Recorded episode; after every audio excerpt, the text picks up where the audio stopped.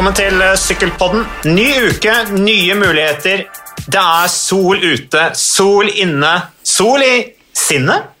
Og Magnus, du sitter der klar i et gult rom nede på TV 2 og har masse sykkelnyheter å komme med.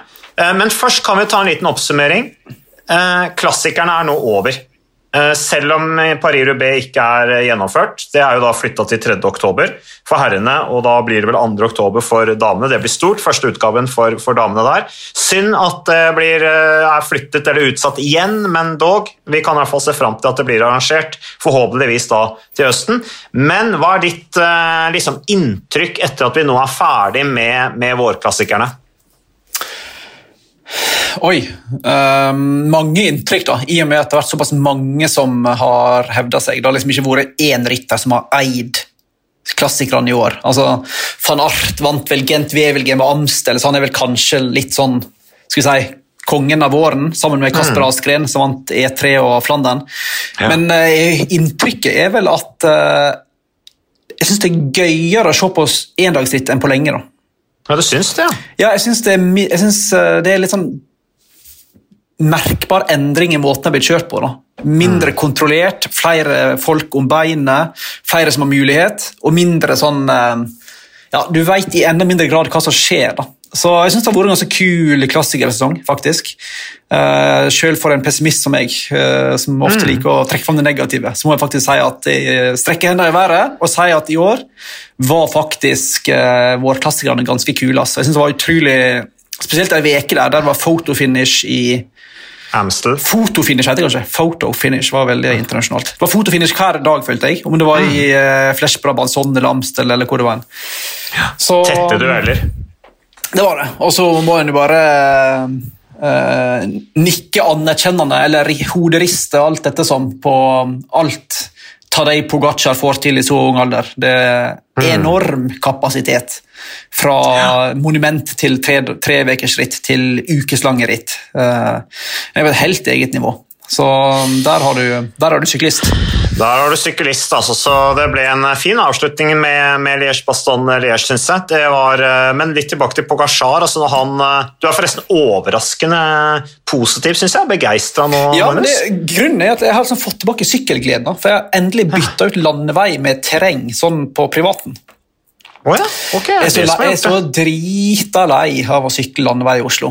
eh, med biler Ja, og dårlig stemning og få veier. Så jeg endelig kjøpte en skikkelig terrengsykkel og flytta inn i marka. Så det er så gøy. Så Ja, for en mann som er fra Eid, ikke sant? Eh, med det i naturskjønne og omgivelsene du er vant til å være i, så er det klart at det blir kjipt å tråkke rundt på asfalten her i Oslo med biler og fortauskanter og stress og mas, men inni marka så er det jo en idyll. Ja, det er det. Og det er liksom, der er du litt sånn som du er 15 år igjen. Ut og sykle og lekes litt og hoppe litt, og så håpe å være hjemme til middag klokka sju.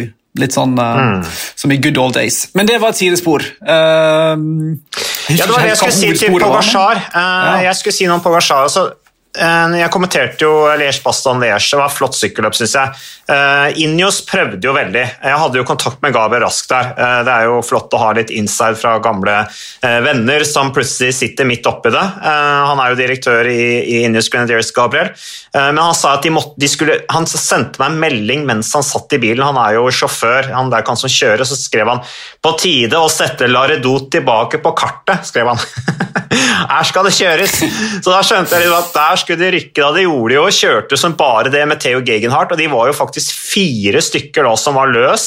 Det var Gegenhardt, det var Yates, det var Carapaz, og så var det da Hvem var den siste? Eh, jo, det var Kwiatkowski.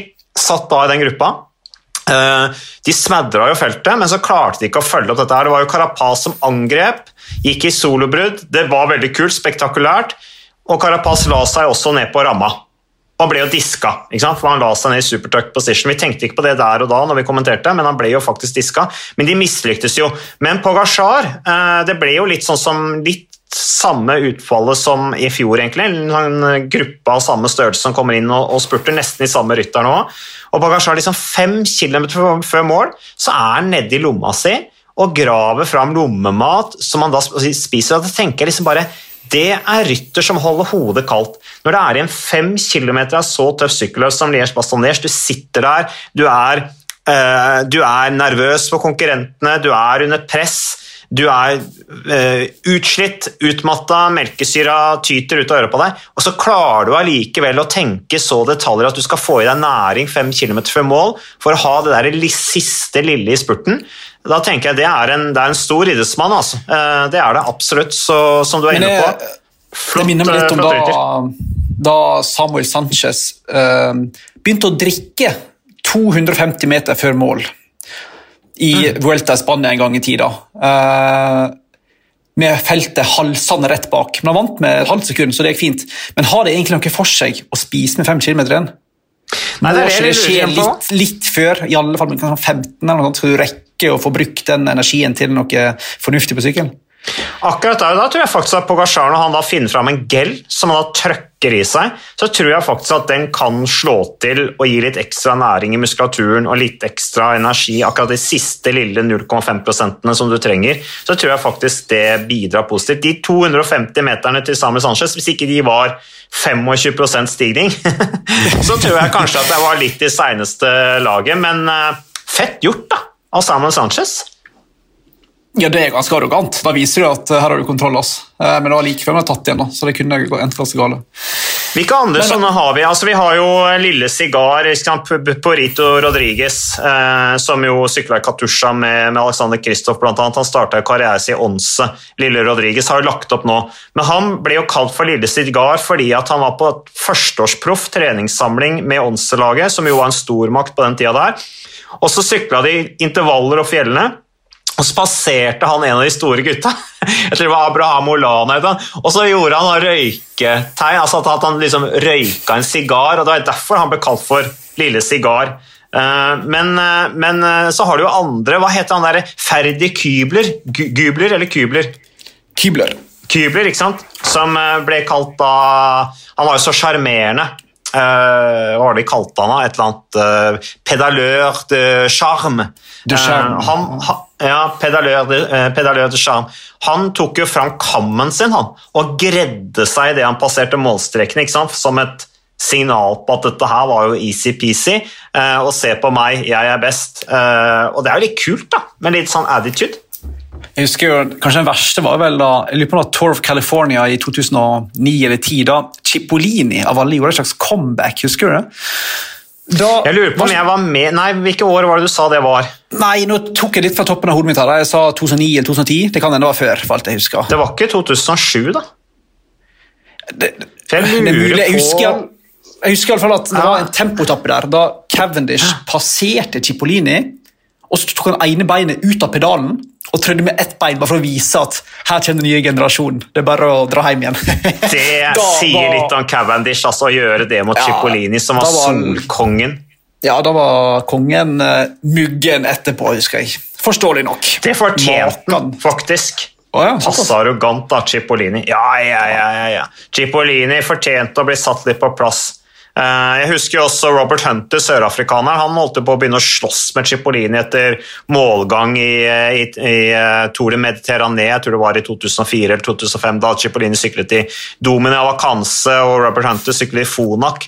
Og Hunter var jo en hissigpropp av dimensjoner. Han er for øvrig sykkelagent nå, Robert Hunter. Um, Amund, Grøndal Jansen sin agent? Stemmer det. Så, eh, men han, du, du, du kødda ikke med Robert Hunter, altså. Og Cipollini gjorde det. Han var hissig. Ja, ja. Jeg har hørt da, mange historier om Da utfordra liksom Robert Hunter eh, Mario Cipollini til slåsskamp etter målstreken. det trengte Cipollini. Så, eh, men er vi ferdig med oppsummeringen av klassikerne da, eller?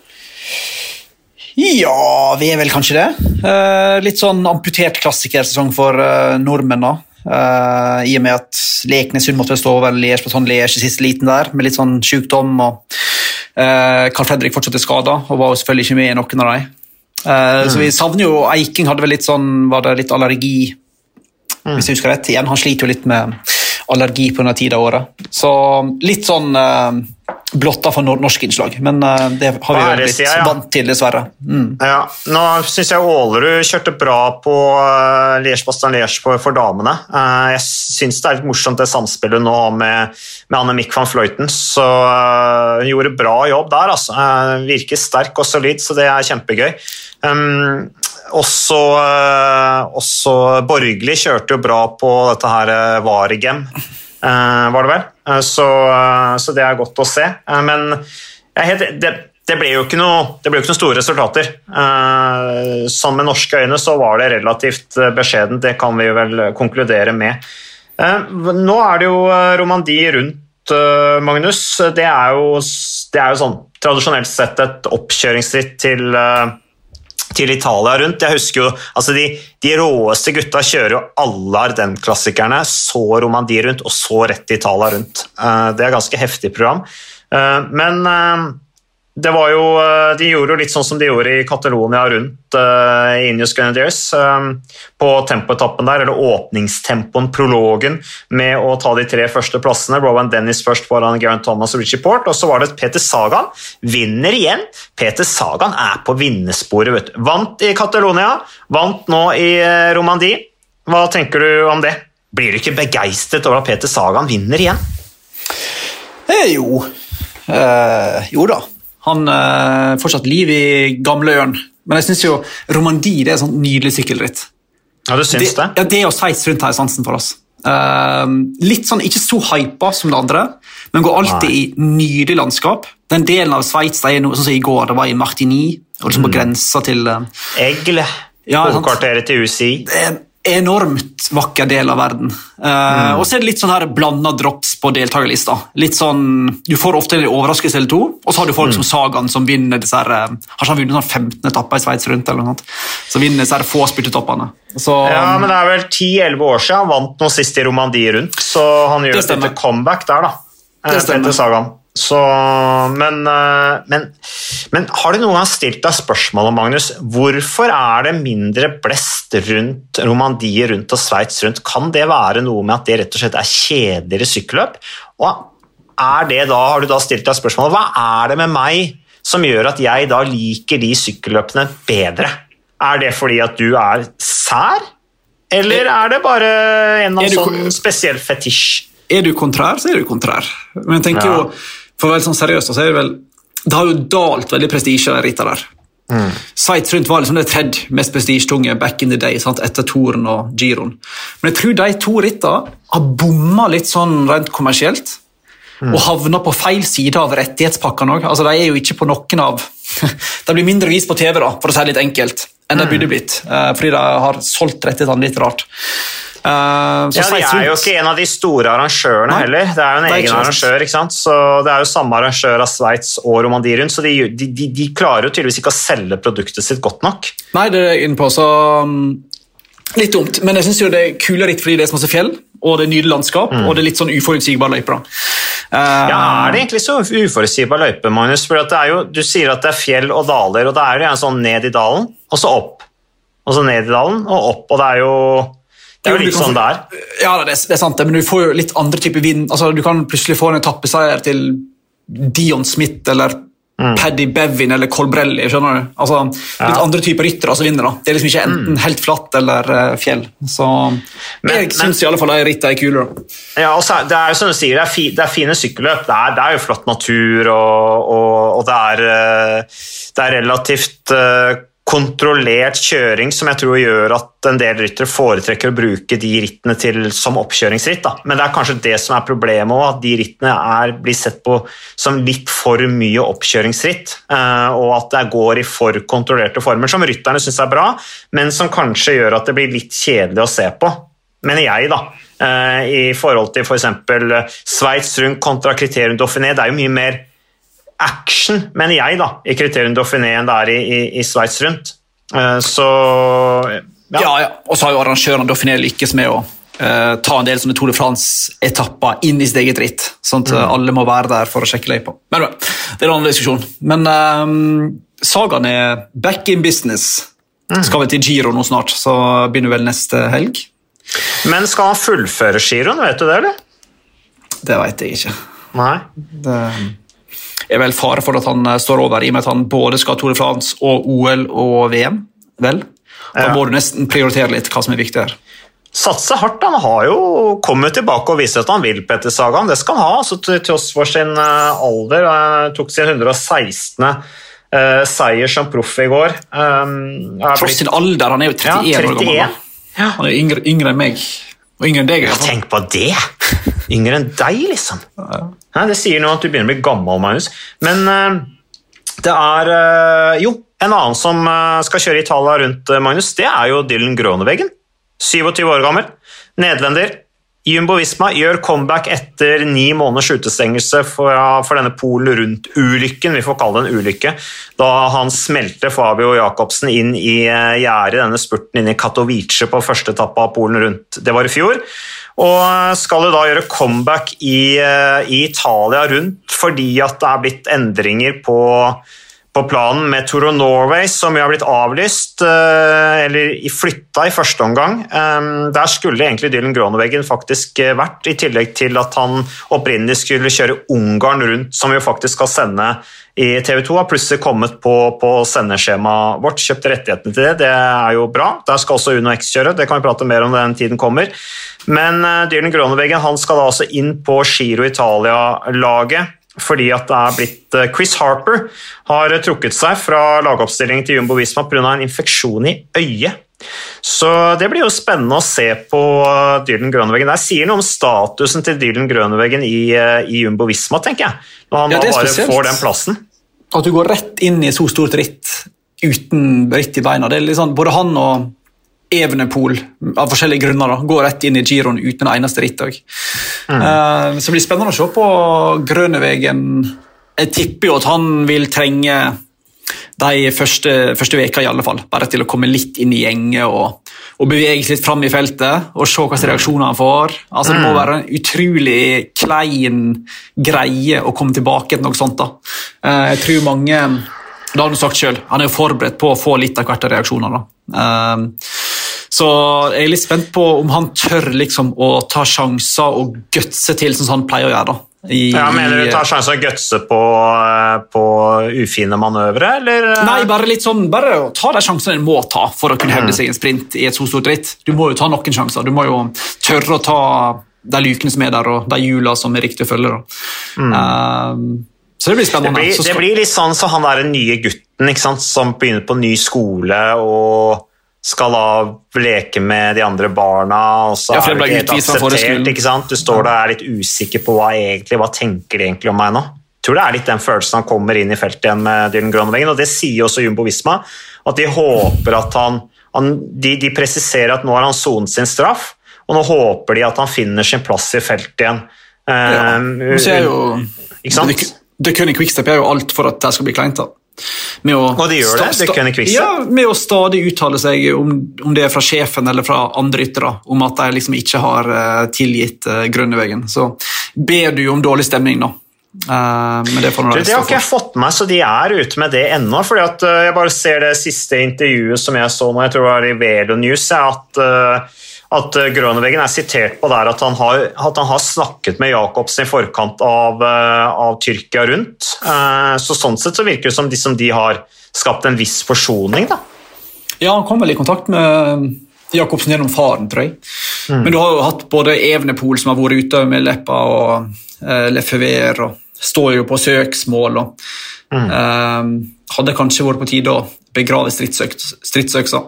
All den tid vi har sett 100 manøvrer i spurter som har vært verre enn det der.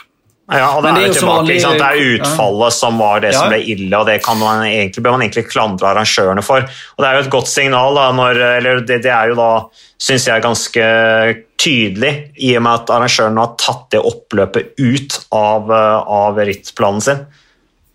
Endelig. Det var på tide. Det var det absolutt. Det Vi så en lignende variant i Tyrkia rundt nylig, som var ganske drøy drøy. De gikk heldigvis fint. da. Med oppløp i Eh, nedoverbakke. Det, ja, men jeg syns ikke den var så Jeg så den da, da men det var, veldig, det var jo relativt oversiktlig, og så var det jo ned, men så gikk det jo opp igjen. Eller husker jeg dårlig nå? Jeg begynner å bli gammel, som du presiserer hele tida. Det gikk litt opp og ned, men det var vel målgang i nedoverbakke, hvis jeg ikke husker helt feil. Det var i hvert fall enormt tempo. Så, men det gikk fint, heldigvis. De kjører med David Dekker òg, Jumbo Visma. Nederlenderen, sønnen av sin far, Erik Dekker, som jo eh, var eh, en fantastisk god syklist. Vant masse sykkelløp, inkludert etapper i, i, Tour de France. Han vant Amstel Gold Race osv. Så, videre. Eh, så David Dekker og Groneveggen sammen, det skal bli spennende å se. Det blir vel i utgangspunktet David Dekker som er i best form av de, da, som skal spurte. og så er det hyggelig å se at uh, Tobias Foss, ikke overraskende, er på lagoppstillingen til Jumbo Visma i, i Giro Italia. Så det skal bli veldig interessant å følge. Da blir uh, Foss blir da eneste nordmann i, i feltet. Hva tenker du om, tenker du om Foss i Jumbo Visma i Giro Italia, Magnus? Veldig spent på um, Han fikk jo litt sånn amputert Giro i fjor, da Jumbo måtte trekke seg pga. korona. Det var vel flere lag som trakk seg der sånn etter ni-ti dager, tror jeg. Mm. Uh, veldig spent på hvor godt han klatrer om dagen. For han hadde gode klatrebein i um, Tireno, husker jeg. Uh, ja. Hadde nydelig tempo i um, Baskland rundt, men uh, ble vel jobbende mye for uh, Roglic der og havna vel ganske beskjedent i sammendraget, om jeg ikke husker helt feil. Mm. Så spent på, spent på den, og de har jo ikke med seg noen av disse her virkelig store Du har en George Bennett som selvfølgelig er kapteinen. Men ja. uh, det er vel ja, Litt skjør Bennett, da. Ja, og det er jo ikke utenkelig at, at Foss kan få lov til å kjøre, altså, kjøre litt, i alle fall, for egne muligheter. Han slipper på en måte å ofre seg for tre kapteiner på rekke og rad, som han ofte må i, i sånne store lag. Så mm. mm det blir spennende. Det blir veldig spennende. Foss, som jo er 23 eh, år gammel nå. Um, han, eh, jeg ser på den lagoppstillinga og er enig med deg, Magnus, at her er det muligheter for Foss til å kanskje ikke nødvendigvis kjøre for sammendraget, men i hvert fall ha enkelte etapper hvor han får frihet til å vise seg fram eh, og kjenne litt på nivået. Hvis det skulle vise seg at George Bennett Nå får vi jo se da, hvordan det blir med George Bennett. Det kan jo være at dette her er virkelig muligheten som George Bennett tar vare på, og, og at, han, at, han, havner på pallen. Det er jo ikke noe umulighet, det. Men uh, det blir veldig interessant å se Tobias Foss igjen i Italia rundt. Uh, startet jo fjorårets Italia rundt med et brak med sjetteplass der på tempo. Var det ikke seks han ble, Magnus? Jo, et eller annet sånt. Ja, og Som nevnte, fire på tempo, første tempoetappen, åpningstempoetappen i, eh, i Baskeland rundt, og han ble 15 sammenlagt i Terreno Adriatico. Så fantastisk lovende syklist, vinneren av Tour l'Avenir i, i, 2019. Egan Bernal kjører også giroen. Eh, um, kjører et uh, sterkt lag der, uh, Team Injos, altså med Bernal, Castrovecchio, Filippo Ganna, Daniel Felipe Martinez, colombianeren som kommer fra EF Education, Gianni Moscon, som jo vant to etapper i Tour de Alps, Salvatore Pucco er veldig hjelperytter, god å ha han til å sitte og taue og dra. Sivakov, ikke minst, eh, denne meget lovende russeren som bor i Frankrike. Og så er det Ivan Ramiro Sosa som er det laget. Hvem er favoritten din til å vinne Italia rundt deg? Oi um, ja, Nå spør du godt. Det er så mange usikre element her. Både når det gjelder Bernal, når det gjelder Evenepool, når det gjelder um, Uh, Landa vet du aldri helt hvor du har en. Uh, Vlasov er litt ubeskrevet blad. Uh, mm. Yates er alltid litt sånn bingo, føler jeg, i uh, tre ukers ritt. Uh, Jai Hindley er veldig usikker på. Uh, mm. Vincenzo Nibali er veldig usikker på, med tanke på at han brakk et bein i armen. Ja. Uh, så det er veldig mange usikre moment, men jeg tror jeg heller mot kanskje at um, godeste um, Simon Yates ja. All den tida han vant liksom, Tour of the Alps og har jo vunnet Spania rundt før, da, så han vet mm. jo hva det går i. Så kanskje han endelig skal treffe i giroen òg, men han vet jo aldri før rittet er ferdig. da med han. Han kan jo kollapse siste dagen, for alt vi vet. Ja, han var jo i faretruende god form i Tour de Alps da, nå. Ja, sant. Eh, ikke sant? Og det var jo litt det vi så i, for et par år siden med Simon Yates i Italia rundt uh, ikke, Eller to-tre år siden, jeg husker ikke nøyaktig, men hvor han var så utrolig sterk de første ti dagene, og så punkterte han fullstendig eh, i løpet av disse tre ukene. Så Men han har jo Det var jo etter det at han vant Spania rundt, så vidt jeg husker riktig, mulig jeg tar feil nå, men jeg mener jeg husker riktig at han vant Spania rundt etter, uh, etter det, så han har jo uh, litt mer erfaring nå, da. Godeste Simon Yates. Så Men kanskje òg ja, jeg vet ikke, Yates, Yates, eller Bernal. Jeg tror Bernal, Selv om det går rykte om at han sliter med ryggen igjen, så tipper jeg at han kommer til å gjøre et bra ritt. Viste jo veldig god form tidlig i sesongen, både i Tireno Dratico og i Strade Bianche og det andre der. Så det hadde vært, gøy hvis Bernal kunne se litt tilbake. Han havna litt sånn i skyggen av Evenepool og Pogacar eh, siste, siste åra. Ja, det tror jeg faktisk han eh, trives med. Jeg tror at det er det beste for Bernal. Jeg tror ikke han eh, er så god under det presset han, han hadde i fjor, f.eks. Så jeg tror det er bra for Bernal, at han havner litt i skyggen. Jeg tror han som rytter passer bedre ved å være litt sånn outsider, at det faktisk tapper han for energi og har for mye press. Jeg tror i hvert fall De har jobbet mye med det mentale med Bernal. med det. En ting er hva de har gjort med ryggen hans, og jobba med det, men jeg tror også han, at de har jobba litt med, med, det mentale i forhold til å gi ham mer selvtillit og at han skal takle press bedre. For det, det har han uh, slitt med, slik jeg har oppfatta det, i hvert fall. Så Ellers så starter jo også dette store damerittet Keratitz festival Else Jacobs i, i, morgen i Luxembourg. Der har vi også uh, norske jenter på, på startstreken. Så det er uh, Vita Heine kjører for Massi Tactic Women's Team. Og så har vi også i dette Andy Schleck CPNVST Immo Lush hvor Mie Bjørndal Ottestad kjører. For et lagnavn. Ja, kan vi ikke bare kalle det Andy Schleck? Team Andy Schleck. Det. det. er mye enklere, syns jeg, da. Så hvis du er enig i det, så gjør vi det. Team Andy Schleck. Det er flott å se at uh, denne gamle Ørn Andy Schleck uh, sponser et, et damelag. Vilma Olavsen kjører også denne veldig råsterke svenske, eller stortalentet fra Sverige. Kjører også med Elinor Beckstedt, som representerer Storbritannia og er eh, en del av Trixie Gafredo-laget, datteren til Magnus Beckstedt, som eh, vi husker vant Paris-Roubais i 2004. Da trengte Magnus Beckstedt en stor seier, altså. Så, eh, og det fikk han. Så det var bra for han. Litt overraskende da denne store svensken gikk først over starts, målstreken i, inn i Robé på velodromen der. Men Ungarn rundt skal vi plutselig kjøre, sende nå, Magnus. Eh, det blir jo litt sånn ubeskrevet blad for oss. Vi har jo ikke snakket så veldig om Ungarn rundt tidligere. Nei, Ungarn rundt går litt under radaren. Men um, det rittet vokser jo, da. Så, og der tror jeg UnoX skal sende en slagkraftig, slagkraftig mannskap, uten at jeg har svart på hvitt her akkurat nå. Uh, men det var snakk om skulle Doffen kjøre, om jeg ikke husker helt feil. Uh, så det blir gøy. Det er vel fortsatt noe en liten stund til. Men det er jo tradisjonelt i alle fall mange muligheter for de som har raske muskelfiber i kroppen, og så er det vel én eller to etapper ofte som er som er for klatrende. Det blir en femdagers variant, er det ikke det? Mm. Mindre jeg husker helt feil. Jo, så, det starter 12. og går i mål den 16. mai. Så mm. uh, står her at det har eh, deltakere som Sefa Marke, Ben Hermans, Damen Hausen, Tom van Asbrook, Edward Tynes, Heinrich Hausler, Mats Burschwitt Alle de store lagene er jo med der. da. Um, og det er jo litt sånn som du sier, det er, et lag, det er et ritt i vekst, og det er klart at hvert eneste ritt som faktisk blir arrangert uh, i år, uh, får er, er, på en måte sikra ganske sterk deltakelse.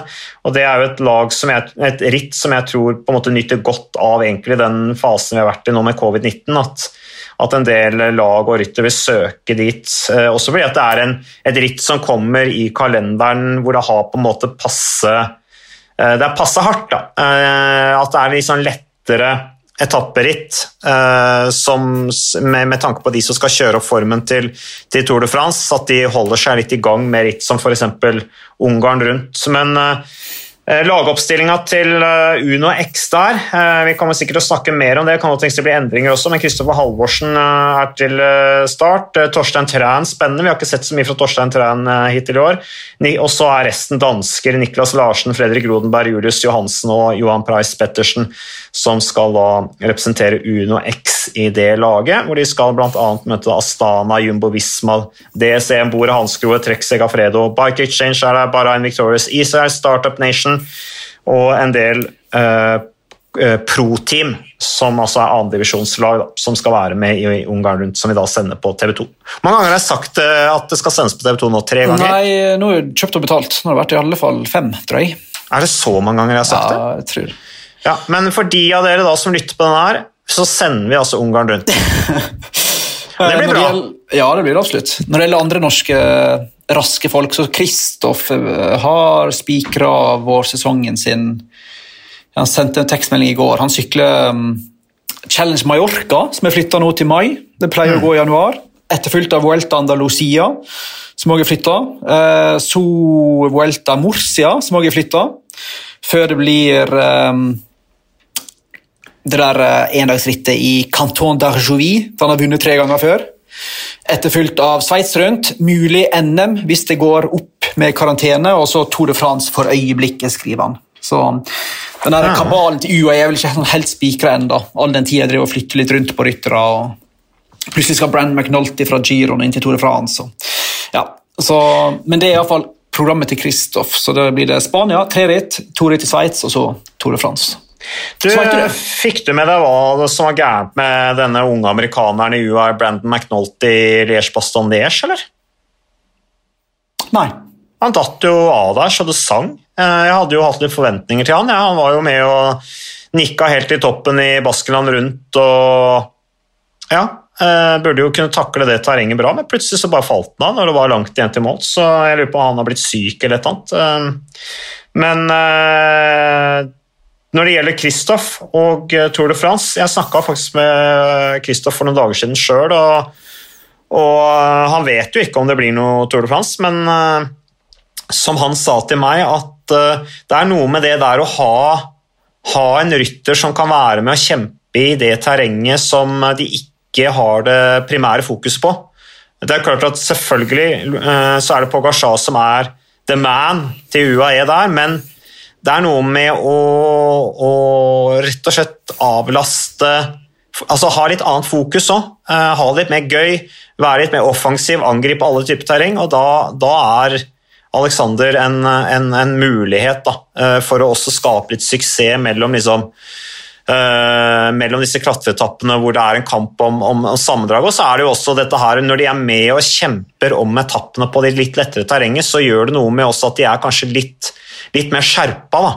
Uh, i, i, I et terreng hvor det potensielt kan skje velt, det kan være sidevind, uh, det kan være smale veier videre som ødelegger, og da, da er de litt med på hugget. og Da blir på en måte Alexander en litt sånn ledestjerne der som, som også kan bidra til at de unngår tap, tidstap, da, som, som eh, hindrer Pogasjar å vinne andre året, året på rad av Tour de France. Så, og så tror jeg også det sosiale som du har vært inne på, eller som har vært inne på i TV 2 også, at han, han er en eldre rytter, han har uh, autoritet, han, uh, han er avslappa som type, at det også skaper god stemning i laget. Så jeg tror det er ganske gode sjanser for at uh, Christoph blir tatt med til Tour de France. La oss håpe det. Vi håper La oss det. håpe det. Så Men du- registrerte vi jo um, Vi Ja. var så vidt innom damesykling, men vi registrerte jo i går at uh, Silje Mathisen Mm. har valgt å legge opp. Det var jo um, kanskje ikke så overraskende, men likevel um, synd. Dette er jo da damer som um, hadde et betydelig talent. uh, som uh, legger opp i en alder av ja, Hvor gammel har Er jo 20 år. Hun som velta så stygt i var det 2018-2019, eh, og slo vel ja, Brakk både kinnbein og gan og neseveggen og overkjeven. og Skada stygt, og så tilbake igjen, og så trynte hun stygt igjen i um, Brygge de Panne, var vel det i oktober nå um, i fjor. Da hun bl.a. brakk arm og kragebein og tenner og det meste annet. Um, Hjernerystelse. Så hun valgte å, å legge opp i går, skrev hun på sin eh, personlige Instagram, i, rett og slett i en slags erkjennelse av at frykten for å velte er såpass stor nå at mm. det er like greit å sette sykkelen i garasjen. Det er, eh, det er en tøff mental påkjenning, det der å være igjennom så tøffe, så stygge velt som det hun har vært. Altså. Det, det har jeg stor forståelse for. Eh, Og det koster enormt med energi å komme tilbake, og det koster også enormt med energi som tar vekk fokuset fra å prestere eh, når du sitter i feltet der og har det der liggende latent i, i bakhodet. Hvis ikke du får det ut av kroppen, så, så, så er det vanskelig å komme tilbake. Eh, I fjor så ja, Han fullførte ett ritt, men da kom han utenfor tidslimiten i, i, i, i, i NM i august, ellers så brøt hun jo de resterende rittene. Så vi får bare ønske Silje Mathisen masse lykke til. Hun er tøffing. Vi har hatt noen reportasjer om henne i TV 2, og vi har stor forståelse for at det der har vært tøft for henne, og håper at hun da får en, en bra start på en ny, ny karrierevei. Skal vi si det sånn, Magnus? Ja. Syns du ikke det var fint sagt? Jo, jeg syns det. Mm. Absolutt. Så det er Hva har du tenkt å gjøre resten av dagen, da? Nei, enkelte av oss jobber jo, da. Mm. Så jeg skal vel tilbake til the daily grind. Hvordan er det egentlig å ha en jobb? Du har vært arbeidsledig lenge, du nå. Ja, jeg har jo egentlig jeg, har, jeg, jeg, er litt sånn usikker på om jeg jobber hele tida eller aldri har jobba. Det er liksom litt hvordan du definerer det. Jeg har heldigvis alltid hatt det sånn at jeg kan styre tida mi sjøl, bortsett fra når vi har sendinger da, på TV 2. Uh, og så er det, jo, er det, jo, visse ting som bare henger over deg, som du må få gjort for å kunne yte og prestere når man skal. Det, uh, sånn er jo verden. Det vet jo du alt om, Magnus, som jo er en, et petimeter når det kommer til forberedelser. Der har vi noe det er jo Eddie Merckx. Eddie Merckx han skrudde jo fra hverandre sykkelen, han for å, å, lære seg sykkelen å kjenne. Og så skrudde han den sammen igjen for å liksom bli kjent med hver eneste del av sykkelen. Det skulle du gjort også, for å liksom få litt mer innsikt i hva du faktisk sitter og trår på når du er inne i Nordmarka der. Eller når er du sykler. Jeg jobba i sportsbutikk i mange år, så jeg har skrudd nok sykler i mitt liv, tror jeg. Ja, du har det, ja? Ja, ja, ja. ja, ja. Må ikke tenke på det. Det visste jeg ikke at du hadde ferdigheter på det nivået der. Ferdigheter skal ikke si at jeg har, Du som er så redd for å bli skitten på hendene. Det stemmer. Uansett, takk for at du har lytta på Sykkelpodden. Vi er tilbake en eller annen gang.